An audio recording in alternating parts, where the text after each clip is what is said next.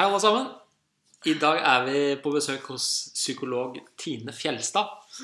Og vi gleder oss veldig til Nå har vi spist masse deilig sushi og tatt et lite glass vin, til og med. Um, så vi skal høre litt hva du har å si i dag. Ja. Eh, Du behandler mye pasienter med bl.a. hjernerystelser, eh, utmattelsessyndromer, Ja. egentlig bredt spekter av pasienter. Ehm, Hva er det som gjorde at du ble psykolog? Du, ja, det er et ganske bra spørsmål. Det går veldig langt tilbake. Fordi jeg tror siden jeg var veldig liten, så forsto jeg at jeg hadde en veldig menneskelig forståelse. Det hadde jeg nok fra jeg var sånn Jeg tror jeg husker tilbake helt til jeg kanskje var sånn fem-seks år. jeg. Liksom hadde veldig sånn forståelse av hvordan mennesker forstår følelsesmessig. Eh, og jeg, ikke- jeg hadde jo ikke ord på at det heter psykolog eller terapeut. Mm. Eh, Men jo eldre jeg ble, så forsto jeg bare at jeg har den egenskapen, og at jeg kan hjelpe mennesker. Og fra en veldig ung alder så kom voksne til meg og pratet om ting. Og de ble vel kanskje litt satt ut av det selv, men jeg spurte. Mm. Var veldig interessert. Og så var jeg rask på problemløsning. Og det er litt sånn jeg utøver psykologien min i dag Mm. det er det at eh, Kanskje litt sånn ifra den klassiske passive psykologen, men veldig litt sånn bort med blokken og veldig på aktiv. Og, og vil jo ha en veldig sånn Se problemet og få det sortert på en fin måte og skreddersydd etter enhver pasient som er på besøk, da. Mm. Stilig. Mm. Det er, eh, eh, hvor er det du gikk på, du gikk på skole i Sverige? Ja. Ja, så jeg er, eh, så jeg er, eh, har studert på Stockholms universitet. Og så har jeg spesialisert meg innom nevrologi på Karolinska. Eh, og så tok jeg eh, psykoterapistudie på SAP, heter det, Skandinaviens eh, psykoterapiutbildning. Ja. Eh, og det var det som gjorde at jeg følte at jeg kunne virkelig jobbe klinisk. Mm. Hva var det som løsna da, på en måte? Når du lærte nevrologien? Ja, skal jeg være ærlig. Altså, Profesjonsstudiet på Stockholms universitet er jo veldig akademia. Mm. Eh, en se veldig hevdelse mot medisinen, så alt er jo så forskning. Og alt skal være kvalitativt og liksom kvantitativt. Og, eh, og det var veldig flott, så de skaper veldig flotte forskere. Men jeg er ingen forsker. Mm. Jeg er eh, Hands on. hands on, elsker kliniske Problemløser. Problemløser, ja. Eh, selve den. Å bare få se hvordan et menneske blir Kommer gjennom kriser, se nevrologiske forandringer i en behandling, er jo Det er jo magi. Mm. Eh, og for meg så var ikke er, Tekst er ikke mitt, min sterke side, men behandling. Så det var når jeg kom inn på psykoterapistudiet som, eh, som jeg virkelig fikk lære det virkelig å sitte med pasient. Mm. Sitte Mm. med og ja, Den der feinschmecker-følelsen i et klinisk arbeid. Jeg føler jo at er flere og flere burde egentlig ta nytte av psykologer da, og Ja. ha bruk for et litt sånn objektivt bilde. Mm. Men det som vi lærer i neurologien, er jo at eh, hjernen er plastisk, og skal du ha en endring, så må det også trenes og gjøres eh, litt intensivt ofte. Mm. Og det jeg kjenner på mange ganger, er at mange har gått til psykolog kanskje i ja, to år da, og gått annenhver uke. Og jeg tenker da med en gang at eh, du burde egentlig heller ha en mer intensiv periode, da. Men Mm. det spørs jo kanskje på case, fra case til case, Mm. hvor mye man Hvor må bearbeide gjennom ja, hvor, hvor intensivt man kan være. Men jeg tenker hvis det er lettere caser at man kanskje burde ses litt oftere òg, da. Hva tenker du om det? Det her er jo kjempeinteressant, og det er kanskje de spørsmålene jeg får mest. Hvor lenge skal jeg gå? Og hvor dårlig er jeg, eller hvor lang tid Mm. tar det her? Og eh, man må jo huske litt grann på liksom Freuds vugge.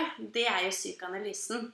Og da Mm. går man jo veldig Man kan ofte gå fire ganger i uken, men man er veldig selvstendig i sin egen behandling. En veldig passiv behandler. Ja. Mm.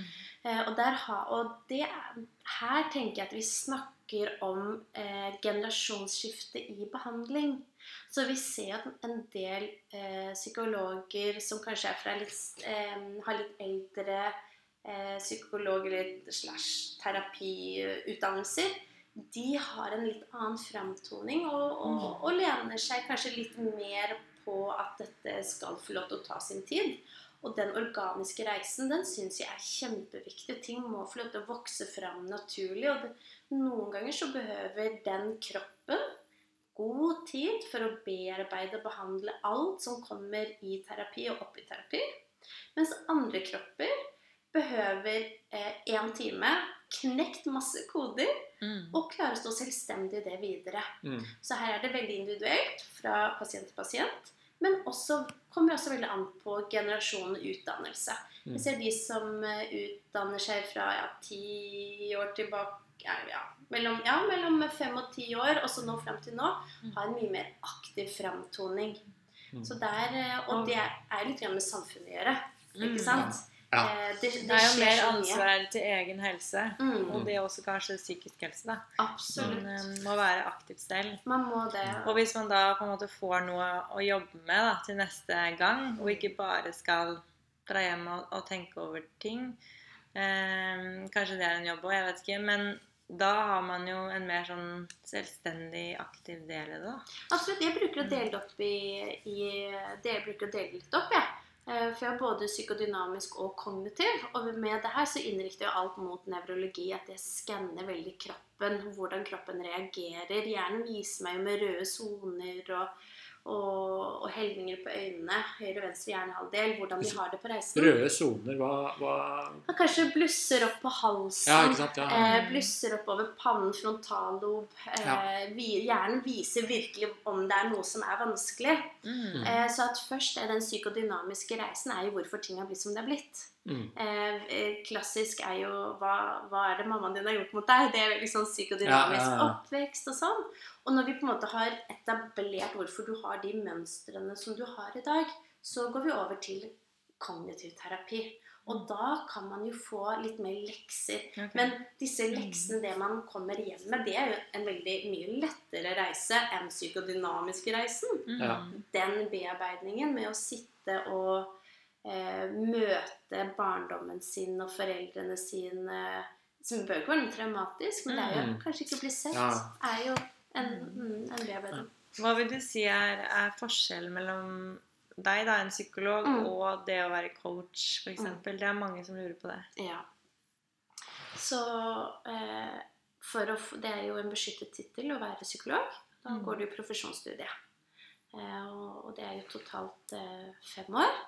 Så um, har man jo litt tillegg etter det da med praksis og sånne ting. Så coach er jo eh, Det er jo veldig tiden for mange. Ja, spesielt innenfor firmaer, tenker jeg også. Og det er veldig på det her med kognitiv innriktning. Det er veldig hands on her og nå.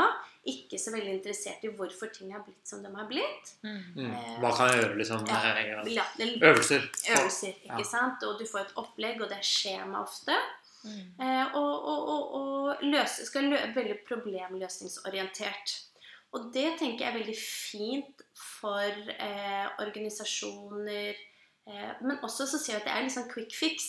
Så at ofte det som man kanskje søker en, for å låse opp en blokade, kommer man ofte tilbake igjen for at du har en blokade av en grunn. Og det er jo dypere. Mm. Eh, og så er det et annet tema som jeg syns er veldig viktig å ta opp. Og det er jo det at det er en grunn til at en psykolog eller en psykoterapeut eller en gestaltterapeut eller han har en veldig lang utdannelse. Det er jo fordi at eh, å forstå den menneskelige psyken, det er krevende. Mm. Det er veldig mye det er komplekst. Men du får også tildelt under studiene dine og den tiden du jobber, veldig mye verktøy for å hjelpe mennesker. Og her skal man jo være litt forsiktig med hvilken coach man går til, fordi at eh, visse coacher har jo en veldig kort utdannelse. Noen har litt lengre og har bygd på kanskje fra en annen utdannelse igjen. Eh, Visse eh, gestaltterapeuter kanskje har bygd på med coach, og det er jo kjempebredde. Men de som kanskje da har tatt helge, mer sånn helgekurs over et års tid på liksom halftime, der kan vi se at det kan til tider være litt risky med at man søker seg til eh, hjelp med mennesker som kanskje ikke helt vet at det også kan skje skade. Nå høres det litt skummelt ut, men sånn er det virkelig ikke. For det er, eh, som, som vi sa litt tidligere også, at eh, å være en terapeut eller en veileder, det er også noe som ligger naturlig i deg. Eh, så er, er man street smart og opplevd mye, så kan man være en fantastisk coach. Mm. Uansett med kort eller lang utdannelse. Men også at man forstår det at den coachen som man velger, skal tilføre deg trygghet, og ikke gjøre at ting blir vanskeligere. Mm. For at ha kortere utdannelse enn en psykolog. Vite sine begrensninger, da. Ja. Som oss alle. Som hos alle. Mm. Som hos alle. For det er jo på en måte eh, hvis, Jeg tror det er sånn kanskje med alle terapier at hvis det er noen som kan gjøre deg bra, så kan du også ha gjøre, altså, Man kan ikke være så dum å si at eh, ting som gjør deg bra, kan også ha potensial til å gjøre ting verre. Eh, Hvis man, hvis man på en måte gjør det feil, eller, eller man gjør det på feil tidspunkt. eller man gjør sånne ting. Mm. Så det, det er jo for vår bransje også, Thea. Mm. Jeg tenker, og jeg tenker altså, Mye av det som man søker kanskje en coach for, det, er, det har jo ofte kanskje en, eh, de blokadene eller der man har en låsning eller noe som er vanskelig, om det er jobb eller relasjon eller Jeg tror vi i dag har en veldig forholdningssett til quick fix. Mm. Eller høykonsumering. Eh, ikke sant? Eh, Vi, om det er noe vi vil ha, så går vi og kjøper det. Mm. det er, eh, og det er jo litt den følelsen man kan også få med visse coacher, at her får man noe veldig fort. Men kanskje ikke du får det som løser det på, på en Mm. mer plan med roten, da. Ja. Mm. Det er et veldig godt eksempel. Er sånne, ikke sant, man ser barn som har litt utfordringer motorisk. Eller de har for eksempel, så har de fått et kink i ryggen eller et eller annet sånt. Og så på en måte hvis man skal Ja, man kan fort få de smertene bort. Mm. Men du ser her at det her er det på en måte rota til problemene sitter i selve eh, den motoriske delen da, og, og utviklingen av selve systemet og, og bevegelsesapparatet. Og det er Mm. helt altså, idiotisk Mm. å si at dette skal bli bra i løpet av en måned. Mm. Eller, Eller nå skal vi ha seks behandlinger Ja. intensivt, og så bang, da sitter det. Mm. Sånn er det ikke. Og, og sånn vil jeg for så vidt tro at det er i, i, i psykologi med psykiske traumer og sånne ting. Ja, Altså det det, er jo det. Og det er akkurat sånn som det eksempelet du gir nå, er jo akkurat sånn altså vi psykologer kan speile litt grann dette med psykolog og coach, da. Mm. Men også at, eh, at coacher har et veldig, en veldig effektivisering i ting som heller ikke skal på en måte Det må også høyes opp at det er veldig flott. mm, Men, når det, men det er viktig å se når det er noe dypliggende som må bearbeides Mm. mer grundig. Fordi jeg føler i hvert fall i mitt per, min Mm. personlige erfaring er jo Mm. at hvis jeg har en blokade, som jeg liker det ordet du bruker, Ja. eh, så, og du får løst den da med en eller annen atferd, så kan det hende at det samme, den samme blokaden kommer opp i et annet del seinere. Fordi at du har ikke egentlig løst mm. det underliggende, da. Det er veldig interessant det du tar opp der, fordi at vi har jo mye symptomskiftninger. Mm. Eh, Så kanskje man kommer for et, eller annet- en konflikt på jobben. Mm. Så får man løst det veldig fort og fint med en coach, f.eks., som er veldig i dette med handlingskraftighet. Men det kan skifte og flytte seg lett på eh, andre relasjoner Mm. i stedet. Det er sikkert sånn dere også ser i kroppen Mm. og belastninger andre steder. mm. Så både kropp og syke har samme eh, dominoeffekt. Det Mm. henger Em, veldig tett sammen. Det gjør det. Det regulerer og skifter akkurat i samme tempo. Eh, Men på kroppen så kanskje man kan se det tydelig gjennom røntgen, eller eh, man kjenner det gjennom smerte.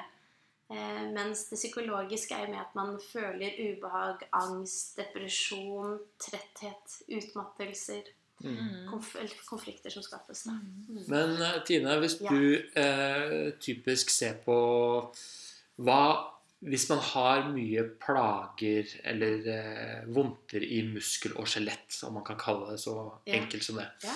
eh, hva tror du eh, Hvordan tror du det påvirker psyken? Mm. Tror, tror du det har en, en, en direkte innvirkning? Eller tror du, og, og, og hvordan er det over tid? For mange sier jo sånn ikke sant? Ja, det er, jeg har bare vondt, liksom. Det er bare vondt. eh, Ja. Men, men det Sånn er det, liksom. Ja, ja. Det, er, det her er jo eh, Dessverre så kan det jo ingenting om selve muskel og skjelett som dere på det nivået dere kan. Men én sak er sikkert. At eh, muskelspenninger Om vi bare liksom begynner med muskler, så er jo det jeg ser Det ser jeg jo hver dag. Det er jo en del av eh, arbeidsdagen min. Det er jo høye skuldre. Eh, det er jo mye spenthet rundt nakke og hals. Mm. Som, eh, som gir igjen mye ulike symptomer, da. Eh, og ikke minst rygg, mellom skulderblader er det jo mye trykk og mye smerter. Det ser jeg også veldig på ME-pasienter. Det er mye muskelsmerter rundt, rundt og under skulderbladene. Eh, og her eh, Spesielt de som kanskje kommer inn med litt diagnoser også. Bipolaritet, eh, på vei inn i schizofreni, litt sånne ting. Så eh, kan jo de gå inn i enorme engstelighet med at de føler at de med altså en stram Altså en veldig stram muskulatur rundt nakke og hals. At de føler at ikke de får puste og blir paranoide. Mm. F.eks. bipolaritet. Og de skifter jo De går jo opp, opp i taket og ned i kjelleren kanskje flere ganger, ganger i løpet av dagen. Tenk den påkjenningen for, Mm. for den kroppen. Hormoner som skal skytes opp i adrenalin. Opp og ned, opp og Mm. ned. Kan du tenke hvordan de musklene blir pumpet? Mm. ikke Ja, sant? det blir nesten litt som å ta badstue og så hoppe ut i kulda. Ja, som vi vi gjorde før i Som dere gjorde tidligere i dag. Ja. Eh, og der ser jo at eh, det påvirker masse. Som igjen gjør da at eh, de får jo problemer Kvinner da får jo ofte veldig problemer med bekkenet. Mm. Ser jo kvinner som kanskje er sånn i midten av 40-årene, som har hatt veldig mye angst, vanskelige kjærlighetsrelasjoner. Har mye spenninger rundt mage, har fått mye mageproblemer og spenner mye muskulatur rundt mage og hofte. At bekkenet låser seg veldig for de problemer med Og som igjen sprer seg opp i ryggrada. Så at eh, her ser jeg jo både livsstil og syke hvordan det blir en eh, Setter seg veldig på kroppen, både muskel og skjelett. Og, og igjen påvirker sykelighet. Så dette blir jo en, en merry-go-round, ikke Mm, sant? ja, ja. Mm. Ja, vi vet jo at eh, Eller har jo skjønt at du er veldig for tverrfaglighet da, og jobber for det. Jeg syns det er kjempeviktig. Jeg syns um, Jeg samarbeider med masse fastleger. Jeg syns det nære forholdet med fastleger er viktig for eh, alle som kommer til meg. Eh, men det er jo svært sjelden jeg går til dem for videre behandling. Eh, fordi at jeg mener jo det at det, det tverrfaglige Vi må se på hvor hvor er det vi skal hjelpe denne kroppen? Ikke sant? Og, og er det akupunktur? Er det, er det Jeg er veldig glad i yoga, Mm. som frigjør, hjelper kroppen, hjelper muskler og skjelett å tøye ut og få ned stress. Mm. Er det sånne som dere, som jobber liksom med muskler og det nevrologiske, som jeg syns er et fantastisk område som dere har? Så at eh, ja, det tverrfaglige og samarbeidet der syns jeg er kjempeviktig. Bort fra medisinindustrien er jo egentlig det jeg snakker om. Noen må ha medisiner, og det er også kjempeviktig. Så det skal, skal, skal også liksom eh, merkes. Men, eh, men jeg tror eh, Jeg prøver så godt jeg kan at det skal være siste utvei Mm. med medisinering. Og heller eh, lese kroppen skreddersy hver behandling etter den kroppen som kommer inn og setter seg hos meg. Mm. Så ser du så stor effekt at du på en måte Hvor liksom fra de som ikke som gjør f.eks. fysisk trening eller går til en terapeut ved siden av deg, da, muskel-skjeletterapeut, ser du voldsomme altså forskjeller der, eller er det en spesiell pasienttype? Så må du se en del um, Klager de på smerter og ditt og datt før du på en måte gir tips om det, eller hva, hvordan Mm. går det fram der? Ja, ikke sant? Så her må jeg først og fremst skille litt på, på de pasientene som kommer til meg. Er det veldig psykiatri, Mm. så, så må på en måte det gjøres på en veldig forsiktig måte. Kan vi ikke alltid jobbe så tverrfaglig. Da er det jo mye mer med fastlege og psykiater, og, og at den behandlingen må skjes på en veldig forsiktig og forståelsesfull måte. Mm. Så da kan jeg dessverre ikke jobbe så tverrfaglig. Eh, fordi da må vi ha et Da er det med på støtteteam, ikke Ja. sant? Og, så der er det ett felt. Men om vi skal snakke mer tverrfaglig, at vi ikke har At det ikke, behø- at det ikke er noen psykiatri på den måten, så, så, så syns jeg det er en viktig del av første møte av kartleggingen. Eh, hvordan er det personen lever?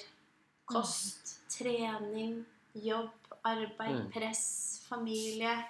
Eh, og så ser man jo veldig Det er jo en del av jobben min også å skanne den kroppen som kommer og, og plasserer seg her i sofaen. Mm. Um, og da ser jeg med en gang hvor høyt skuldrene er. Jeg ser jo hvor, det, ja, ikke sant? hvor lett Hvordan er det de rører seg, Mm. puster ikke minst. Mm. Uh, og så kommer det jo veldig lett Jeg spør jo ofte liksom, hvor er det du kjenner i kroppen, og da er det jo veldig mye med angst. Angst er et stort tema, Mm. og angst setter seg enormt i kroppen. Angst er en fysisk smerte.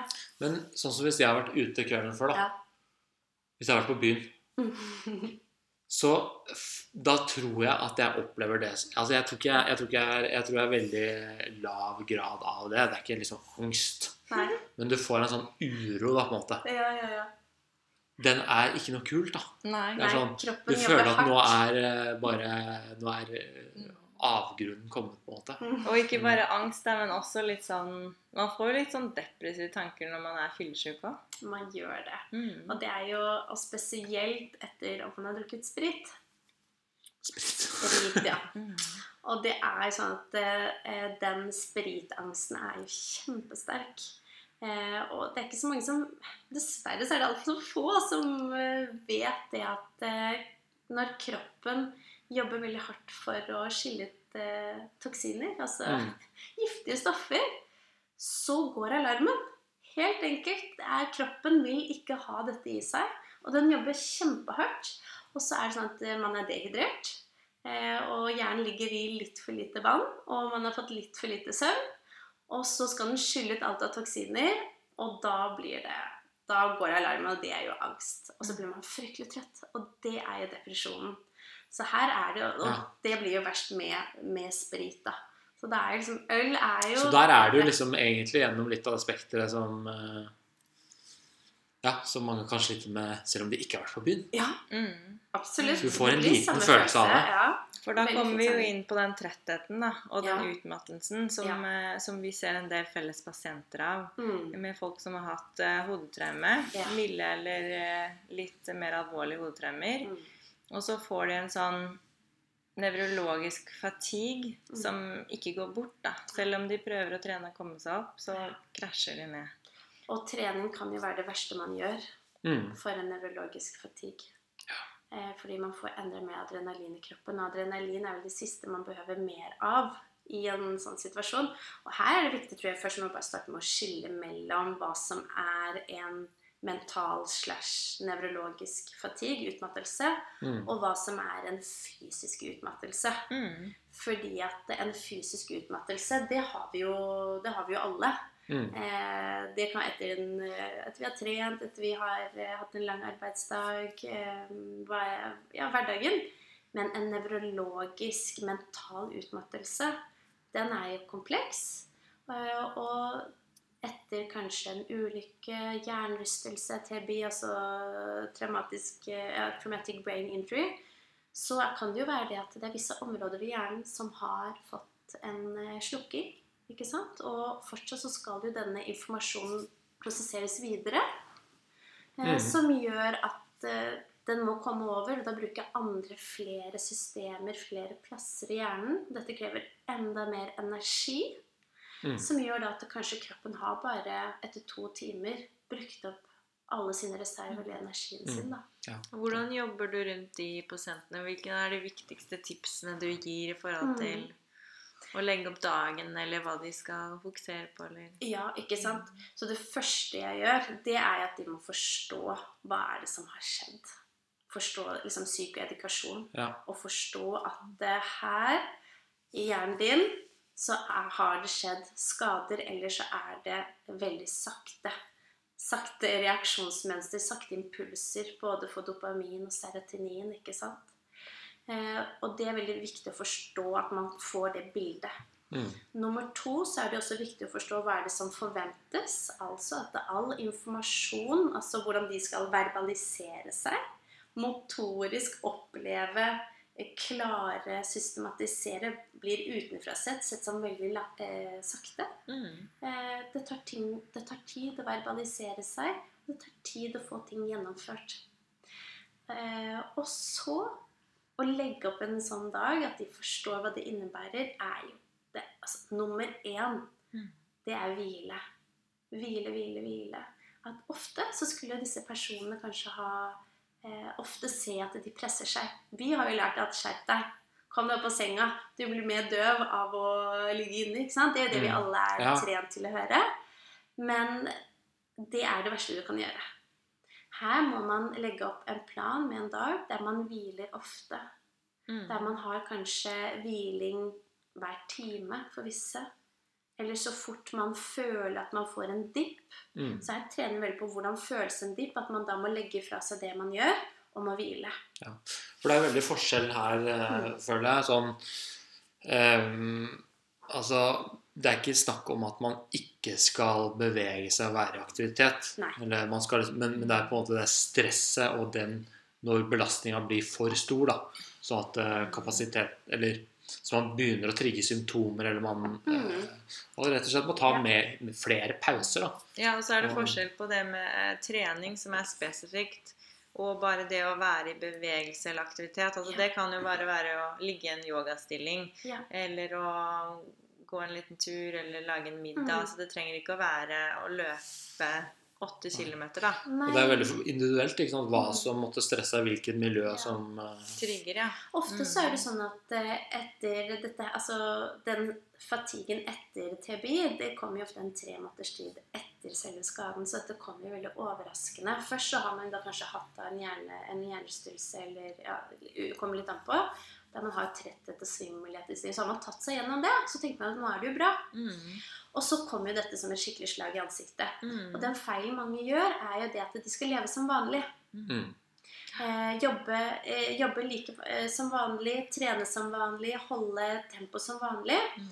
Og, og der må man jo bare innse at eh, Gud og meg som dødelig for deg selv. det går bare ikke. Så her snakker vi om at man må anpasse hverdagen sin. Og så sier Man skal jo absolutt ikke bli helt passiv, men faktisk for visse, eksempel som har vært i ganske alvorlige trafikkulykker Mm. Det her snakker om sånn som ikke trening, men bare det her med å gjøre rolige rørelser. Eh, Mm. Visse orker nesten ikke det engang. Så her er jo gråsonene. Ja, Veldig- veldig veldig, ulike. veldig. Men det er det første som, eh, som er veldig viktig, er det at man må anpasse hverdagen sin for å få hverdagen til å være lett og spare energi. Det tar tid å spare opp en buffert på energi. Eh, Det kan være at man skal sette inn en, eh, en stol i dusjen, eh, så at man kan hvile. Senke kjøkkenbenken, så at man kan sitte og, og gjøre, hakke grønnsaker. Mm. Mm. handler om å anpasse hjemmet sitt, anpasse jobben sin og være ærlig om hva som har skjedd. Og så må man bli kjent med kroppen sin. Det vil si, når er det man blir som trettest? Og da snakker vi om sinnesinntrykk. Altså hørsel. Blir du sliten av å gå på kjøpesenteret? Eh, hvordan er det med musikk? Det er vanskelig å gå inn i komplekse filmer. Syn, hørsel, ikke sant? Duft. På sterke, sterke parfymer. Alt er også med på å utmatte mer Mm. lysstyrker. Så her anbefales det her alltid ha med altså ørepropper. Ha solbriller med seg. Eh, ikke utsette seg for mye inntrykk, men være god, god og raus mot seg selv. At Mm. dette er en fase i livet nå der, der eh, hjerne og, og, og, og det kroppslige behøver god tid for å få lov til å komme i balanse igjen. Og jeg tror det du sa med at mange små pauser er nøkkelen, og det også vi ser. For, at, for det tar ikke lang tid før nervecellene på en måte regenererer seg. Mm. Så lenge de har oksygen og mat og hvile. Men, men det må skje litt hyppigere enn det folk tror. da, Fordi de er vant med å på en måte ta seg ut på trening, og så bare hvile de opp. Men her må du kjøre de intervallene ganske mye kortere. Det er som en mobiltelefon med slitet batteri. Mm. Du må sette den på lading hele tiden. Ja, det er ikke sant? Ja, du, Det holder ikke med å bare lade én gang. Mm. Uh, og ofte så er det jo sånn at uh, hva skal man si, vi får jo fulle batterier i løpet av natten. Men det gjør ikke noen med en ut, nevrologisk utmattelse. Du våkner opp med kanskje, om du er heldig, halvfulle batterier. Mm. Men Det var vanskelig, ja. Mm. Det. Tenker du at det er veldig stor spekter mellom hvilke ressurser vi har som mennesker, både personlighetsmessig og eh, hjernemessig, før en sånn ulykke inntreffer? For altså, det er jo litt interessant at noen som kanskje har vært i en whiplash-ulykke Mm. i 20-30 km i timen, kan ha store problemer. Mens eh, noen som har spilt rugby hele livet sitt, da, ikke sliter egentlig så mye. Ja, det er kjempeinteressant. Mm. Eh, for noen år siden så, eh, så var jeg i Stockholm på en sånn, hva skal man si, fighting club. Altså eh, et treningssenter som drev med kampsport. Mm. Og, og det var en del av denne studien som jeg skulle gjøre. Se liksom, hvordan er det de kognitivt fungerte etter å ha jobb, eh, liksom, jobbet og ja, trent kampsport og drevet med boksing. Dette er Det var- spennende. Ja, mellom tre til fem år. Ja. Eh, og de som var der, igjen selvfølgelig, var jo de som hadde en evne til å tåle mer slag. Ikke sant? Men selvfølgelig så ble det jo frafall. Eh, og så ville jeg jo kontakte dem. Og der var det det at de hadde jo havnet i en utmattelse. Eh, og det som var veldig interessant, at deres kropper, deres hoder, hadde ikke tålt det. Så der hadde jo, eh, hva skal man si, altså nervecellene fått, eh, fått ulike hormonlekkasjer, som vi kaller det. Som gjør at man får Ja, altså at eh, systemet mellom muskler, øye ikke sant? Eh, Alt av øyefrekvenser som gjorde igjen eh, kom ut av ubalanse. Som igjen gjorde at de ble svimle, mistet hukommelse, dårlig på fokus, dårlig, Mm. dårlig på verbalisering, holde en rød tråd, henge med i en film. Mm. Ikke sant? Mm. Så ja, vi har alle ulike forutsetninger av hva vi tåler. Mm. Mm. Det, var kult det du sa om batterimodellen, ja, egentlig. Ja. For det er jo sånn man ser litt i rehabilitering også. Hvis du har en som er eh, 60 år, da, Ja. eh, og litt gikt og litt eh, migrene fra før av, f.eks., Mm. og hun slår og detter hodet, så får du fatale følger. ikke sant? Og sannsynligvis så, så kan det gå liksom Det er ikke sikkert at hun blir bra i det hele tatt. Ikke sant? Mens hvis du har en på 15 år, da, Mm. som er en idrettsutøver, får akkurat samme smellen, kan Mm. være mye mer brutalt. Ja. Men der går det eh, 14 dager. Frisk og rask. ikke sant? Mm. Det er det jo, eh, og det er sikkert mye med liksom hvordan cellenes Altså den metabolske kapasiteten og, og selve vitaliteten i hele systemet Mm.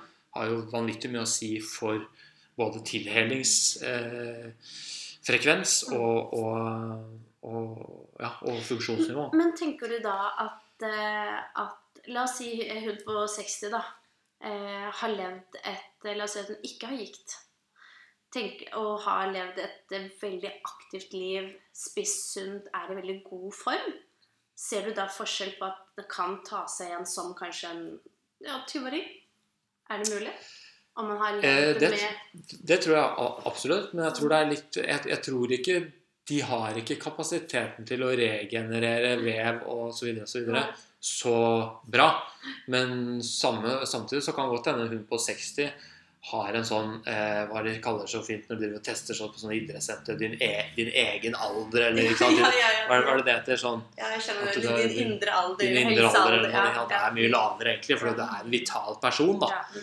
Så, så tror jeg det så, Men samtidig, hvis du røyker og er kraftig overvektig og har masse alle disse alle livsstilssykdommer og sånn, og så slår du hodet, så tror jeg det har, vil ha mye større ringvirkninger da, for, for den personen enn en annen som Mm. Det er vanskelig. Ja, for at vi snakker mye om livsstil, og, og der ser jo Apropos det med toleranse eh, og utmattelse, så, så ser man dette her med både dopamin og serotoninhalter er jo veldig interessant. Fordi at har man hatt et godt liv, dvs. Si, tatt vare på seg selv og Da snakker vi ikke bare om trening og kost. Det er veldig lett å plassere det i trening og Mm. kost. Mm. Men livet er uforutsigbart Gode relasjoner og gode relasjoner, at man har et godt nettverk. Eh, eh, er man økonomisk trygg, ikke sant? Med sosioøkonomiske muligheter, forutsetninger. Eh, og så er sånn Har man opplevd traumer, mistet mennesker i dødsfall, hatt tøffe opplevelser, ser også veldig det at det, skal man si, det alt, Man får så mye større skader eller større utmattelser mm. man havner mye lettere i depresjoner, melatonin eller dystemi sånn disse, Mm. disse mm. Det er kjempespennende, fordi eh,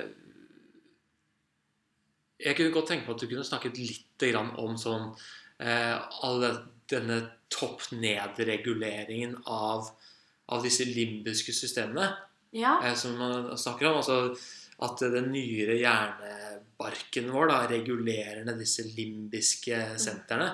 Mm. Så typisk hvis man har veldig ubearbeidede traumer og sånn, så, Mm. sånn, i hvert fall sånn jeg forstår det, så bruker den nyere cortexen vår veldig mye energi på å hele tiden dempe litt av den derre som du klar, kanskje ikke er klar over engang. Mm. Litt mer sånn kanskje psykoterapeutisk eh, Jeg vet Ja, ikke. det der er jo kjempeinteressant.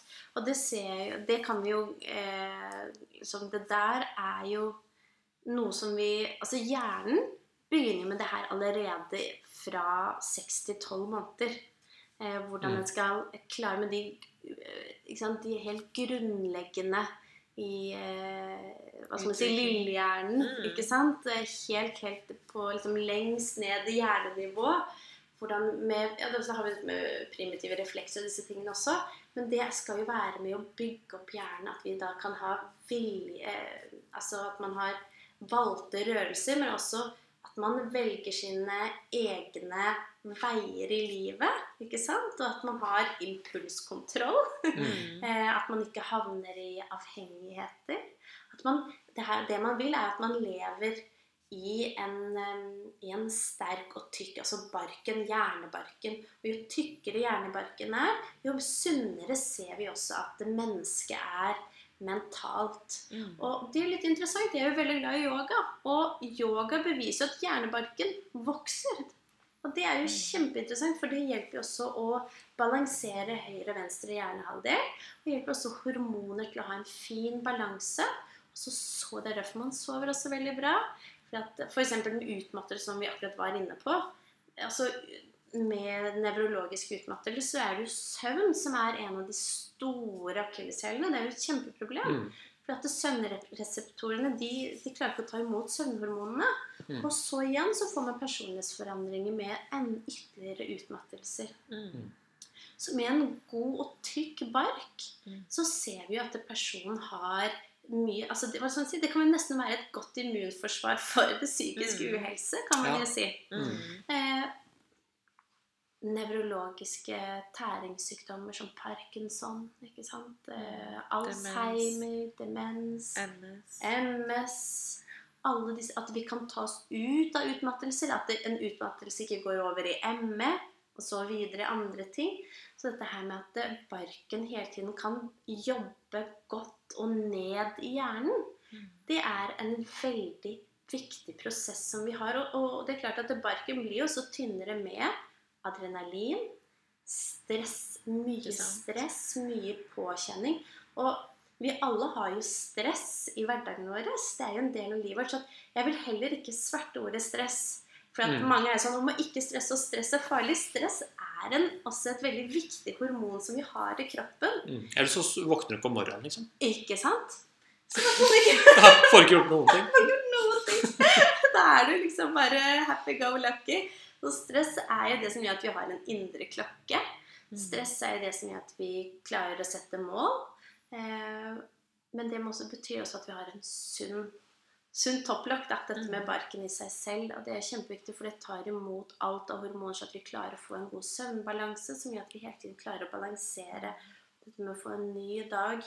For at mage og tarm funker, serotonin, dopaminer, adrenalin.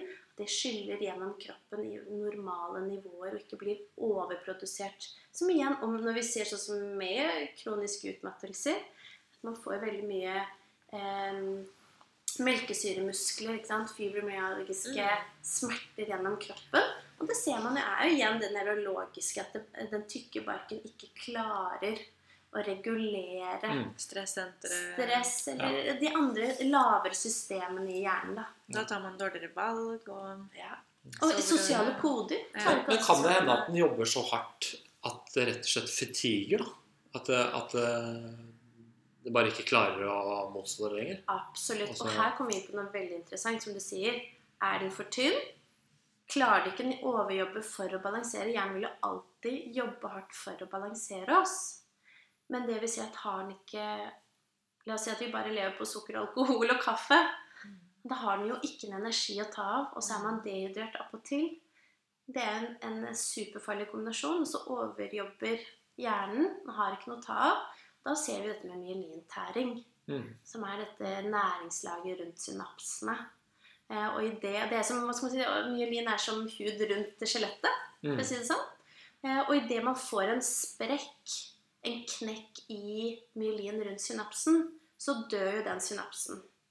Og får man eh, nok med synapser som slukker rundt i samme område, så dør jo også akkurat den, det området i barken. Eh, og hjernen er jo plastisk, så det er jo helt fantastisk. Kanskje det området i hjernen, det vekkes jo ikke igjen. Når en synaps er død, så er den jo død. Men hjernen er jo så fantastisk, så da overkompenserer den bare med andre områder igjen. Mm. Men da krever det mer energi. Og så må man anpasse livet sitt. Mm. Men i det man blir, før man blir vant til å anpasse at hjernen tar over og kobler nye steder, Ja. så, så må man også anpasse livet sitt, da, for det tar veldig mye energi. Det tar jo 70% av energien, regnes, regnes det jo. Ja. Da har man 30 igjen til å klare hverdagen sin. Mm. Til, til på det der med dopamin og eh, sosiale medier og likes og Ikke Hva sant? tenker du der i forhold til Ja, det syns jo jeg er kjempeinteressant. mm. Sier at vi er jo Jeg vet ikke om dere har hørt, har dere hørt begrepet popkornhjerne? Nei. Nei. Det er liksom eh, det, er liksom det nye uttrykket i, eh, i dag. Det er at uh, man skal få en, um, en kick, ikke sant? Ja. Altså, Det skal gå så fort som at uh, et, uh, et maisfrø ikke sant? i en mikro Ja. en kjele eksploderer. Mm. Og så kommer neste, og så kommer neste, og så kommer neste. Og, og det er jo som at vi står og trykker på den belønningsknappen. Ja, og det er jo dopamin. Eh, og det er jo klart at det er jo kjempegodt å bli belønnet hele, hele tiden.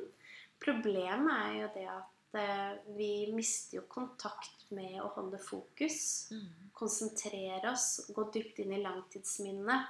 Så Og så er det den derre korte belønningen.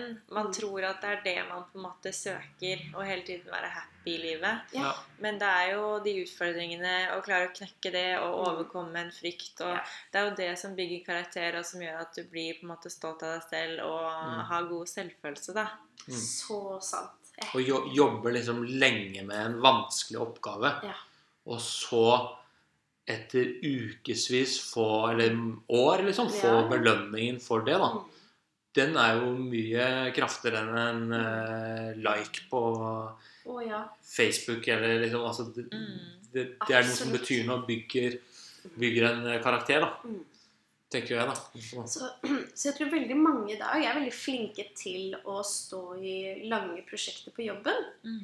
Men vi er dårlige til å stå i prosjekter med oss selv og våre egne affekter. Eh, og møte med livet og møte med utfordringer og møte med mellommenneskelige relasjoner. At vi blir med denne popkornhjernen eller høykonsumering av av likes eller eh, eh, kjedene ikke sant? Eh, av mat, av raske karbohydrater, så blir vi også hva skal vi, vi, blir, de, det, vi opplever at det er unormalt å stå i noe med oss selv. Mm. Eh, og, og, og der må jeg jo minne på flere at det er en del av livet. Mm. Å stå i følelsen med deg selv. Og det er først når du står i en følelse, en affekt med deg selv, som at det magiske skjer.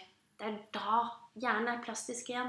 Det er da det flotte skjer. Det er da du tar forandring. Det er da du ser tydelig og klart at å herregud, det er der jeg skal studere, eller det er den personen jeg skal være sammen med, eller disse vennene er jo giftige.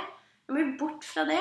ikke sant? At man ikke man tør å møte forandring. Mm. For enhver krise eller enhver, enhver ting som er trist, leit, vanskelig, det er like vanlige følelser som positive følelser.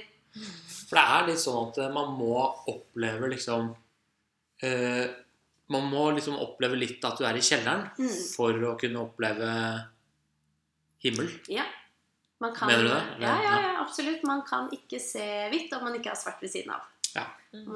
Ikke sant? Det er, man vet ikke hvor høyt noe er om ikke noe er kort ved siden av. Mm. Så det er det med å se nyansene. Og det er det med det å være menneske, da. Ja. Og, og kunne kjenne på alle de tingene og være ok med det. Mm. Men vi lever jo i Eller det man ser gjerne på sosiale medier, f.eks., er Mm. jo bare de glansbildene. ja. Og da Det kan jo hende at det har en uheldig effekt. Det er det. Jeg må jo si at uh, jeg har en del ungdommer Mm. som kommer til meg. Uh, og jeg syns det er veldig trist å se hvor, uh, hvor, hvor skadet de blir av sosiale medier. Det er kjempetrist. Um, de For det første så er de jo vant med at de må ha rask belønning for å ta seg gjennom en dag. På en eller annen måte. Om det ikke er sosiale medier, så blir det jo med si at de øker også avhengighetshjernen hos dem. De må ha sukker, de må ha koffein, de må ha disse altså, koffe, altså Red Bull eller energidrikker. Mm. De blir mye mer De får en større avhengighet av snus, sigaretter, ikke sant? Altså, Mm. eh, så de får en større avhengighet, men også tør ikke å stå i Har ikke et, altså, har ikke et verbalt spekter av, Mm. av ting som skal få lov til å gå sakte. Altså tålmodighet innenfor ting. Mm. Det er bare, og når, når en ung person ikke har tålmodighet, så går man rett til selvstraff og selvhat. Og, og her er, ser sosiale medier er med på å bidra på veldig mye av disse tingene, og det er veldig trist å se. Nå er det jo veldig mange unge som også er altså superambisiøse Ja. og superflinke. Det er- Alle skal Men- være Petter Stordalen. vet du. ja. Nei, men alle skal Alle har jo Det er veldig mange eh, flinke barn og unge i dag.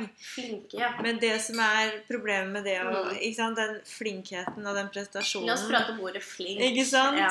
Eh, Altså, Fordi flink, der er flink det pike, men det fins like mange flink, flink gutt. mm. Absolutt. Men det, Det tøffe det som en del pasienter altså, forteller meg, da, som jobber med barn, Mm. både i barneha barnehage og i barneskole, er jo litt skremmende, syns jeg. Og jeg har jo ikke egne barn, men jeg tenker sånn som jeg er oppdratt. Ja. Eh, til sammenligning så er det jo at eh, foreldrene henter veldig seint.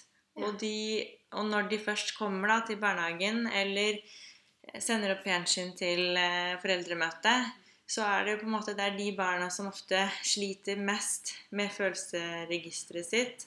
Fordi at de eh, tar ikke kampene med barna. Fordi når de først er med barna, så vil de jo ha det fint. Mm. Så de tar ikke de kampene, og da får ikke barna den De får ikke gjennomgått de der negative følelsene. Mm. Det er i hvert fall det jeg har sett. Da. Du har sikkert en annen, helt annen erfaring der. Så jeg tenker jo eh, Så her har vi jo et, et aspekt som handler om tilstedeværelse av eh, Altså at det samfunnet er så krevende. At man eh, må jobbe veldig hardt for å få, for å få det økonomiske og, og familien sin til å gå rundt. Det er jo det ene. Og, og den, de stundene man, man har sammen, kan ofte da bli veldig knyttet til dårlig samvittighet. Eh, og at man vil at stundene skal være så gode og fine som mulig. Men det man må huske når det kommer til barn, er at barn må havne i trass. Trass er en kjempeviktig del av, av en utvi altså kognitiv utvikling for barnet. Men det er ikke bare foreldrene som ønsker at når vi først er sammen, da skal alle være blide, og det skal være så fryktelig hyggelig, og det skal ikke være noen sure miner. ikke sant? Til og med barnet føler selv en så enorm takknemlighet for at mamma og pappa kan være sammen med dem. At de bare de er? De er perfekte. Allerede der så blir de flinke. Mm. De gjør nesten ikke lyd. De er så takknemlige for at de foreldrene vil være sammen med dem. At, at de, de anpasser seg jo enormt etter selve situasjonen. Som også gjør at de utsetter trass, trass for seg selv. Og at foreldrene er med på å bidra til at trass blir dempet. Okay. Mm. Og trass er en kjempeviktig del av barnet for å finne identitet, få en stemme, men det er også masse hormonskyldning, ikke sant? Og, og, Men det å få grenser òg, da. Hvor viktig er det? Ja. Det her er veldig gøy. Jeg er, veldig, jeg, jeg er mamma selv. Og, og jeg, har Hvor gamle er barna dine? jeg har en datter på snart fem. Mm. Den kuleste personen jeg kjenner. Og, og hun kan jeg også se noen ganger er litt flink. Ja, Så jeg kan også gå litt i den fellen. Eh, og der er liksom Prøvde jeg her med å liksom motivere til å være rampete, sier jeg da. Nå må du være rampete. Eh, og så ta seg i det her med å være tålmodig. Det er kjempeviktig. Men jeg ser det også til alle de foreldrene som kommer hit til meg og vil ha råd. Hvordan skal jeg få til å både være mamma og pappa, eh, være kollega eh, Det er jo ikke lett. Det er jo ikke det. Nei. Vi skal liksom klare alt i dag. Vi skal klare alt i dag. Og det beste jeg sier, er at ting skal ikke være perfekt. kan man Altså, la den vaska være. La det være Vreng de trusene, da. Om man ikke Ja. har noen truser. Det er ikke greit. Jeg sier det. Gå Den er ikke grei. Er det ikke greit? Gå truseløs. Gå truseløs. Nei, men virkelig, altså Det viktigste er at man er sammen. Men spørsmålet ditt var jo å sette grenser. Og da sier jeg ja, grenser Jeg tror ikke på fri oppdragelse. Men jeg tror på å ikke være perfeksjonist. Mm. Jeg tror på at det skal være høyt under taket. Mm. Eh, Jeg leste en fantastisk studie om, eh, altså en del eh, om italienske familier. Mm. Og der er det temperament. Ikke? Ja. Og der er det takhelle, da. For å si hva du mener, ja. vise følelser. Ja. Og, og da kan jeg jo si det at de som kommer til meg med mest depresjoner, det er jo Altså, de er jo voksne, da, eller unge voksne. Og de er jo vokst opp i familier der man aldri har sett Ja, mamma og pappa gråte. gråte. Aldri snakket om en følelse. Aldri satt ord på hva barnet føler. Mens i kanskje en fra en italiensk familie der har du fått blitt klappa til et par ganger. Mm. Ikke sant? Men du har satt ord og fått masse kjerne og sier hjemmevold er ikke greit. Så det var ikke det jeg mente. Men Mm. her snakker vi om at man uttrykker, at man setter ord på ting. At man elsker stort. At man får lov til å være sint stort. Mm. Den takhøyden, ut- men det skal ikke være skremmende på noe som helst måte. Og forutsigbarhet, Mm. den er viktig. Mm. Jeg tror på husets regler. At man har et sett med regler hjemme. Og det gjelder også for mamma og pappa. Om barnet må holde disse reglene, så må mamma og pappa holde reglene også. Det er ikke noen unntakssituasjon for dem. Eh, og så syns jeg det at jeg synes det kan være litt hysterisk med sukker. Jeg syns det kan være litt hysterisk noen ganger med, med kanskje leggetid. Mm. Noen barn behøver eh, en viss time med søvn, så da må man være flink med det. Man må kjenne barnet sitt eh, vel. Mm. Eh, Men jeg tror på visse ting så må man ha slakket tøyler, for at samfunnet er så tøft i dag. Mm. Det er mye viktigere da at heller det barnet sovner i armkroken på sofaen, Mm. enn at det alltid er en kamp. Det er dårlig stemning ved legging, det er dårlig Mm. stemning ved å stå opp. Mm. Da mister man jo gleden. Da har man jo startet livet i, i bråk, da jo. Men, men hva hvis du er født B-menneske, da? På? Ja, Og så så må du legge deg tidlig. Ja, Jeg er jo litt der. Eller sånn Norske, eller unnskyld, skandinaviske, vesterlandske samfunnet er jo designet for at vi alle skal være A-mennesker. mm. Og hva er det for noe? Vi alle er jo ulike. Bare se bare de som setter, sitter rundt bordet her. Vi er jo ulike årfarger alle sammen. Ikke sant? Altså, eh, vi er ulike, og her snakker vi om de som er født A-menneske eller B-menneske. Er du B-menneske, ikke bli brannmann, f.eks. Eller jo, kanskje ikke bli brannmann, men det handler jo om å det handler jo om å, å innrette livet sitt etter hva, hvordan man er. Kanskje man skal ha en jobb der man begynner heller ved lunsj. Men det her får man jo ikke akkurat beskjed om på karriereveiledning. Ikke sant? Før når jeg ble kiropraktor, så tenkte jeg bare på å, jeg vil hjelpe mennesker. Ja. Men jeg visste jo ikke at eh, jeg skulle bli selvstendig næringsdrivende. Hva Nei. innebærer det? Og du må kanskje Du var opp tidlig om morgenen. Nei, faktisk ikke. Jeg, jeg jobber mye ettermiddager, men man kan legge opp dagen selv. Nei. Nei, men man kan jo legge opp dagen veldig, men det får man ikke helt vite da, før man Nei. har valgt en karriere. Um, Nei, men det er jo kanskje ikke noen som Altså, jeg tenker jo Det er vel egentlig ingen som skal fortelle deg det. Det er jo din reise til å finne ut hvordan din kropp funker. mm. Det er bra. Ja, etter din rytme. Det fin, er, altså. ja, det er jo ingen som Det er ikke noen Det er jo ditt ansvar å ta ansvar for din kroppslige rytme. Men jeg visste tidlig at jeg studerte f.eks.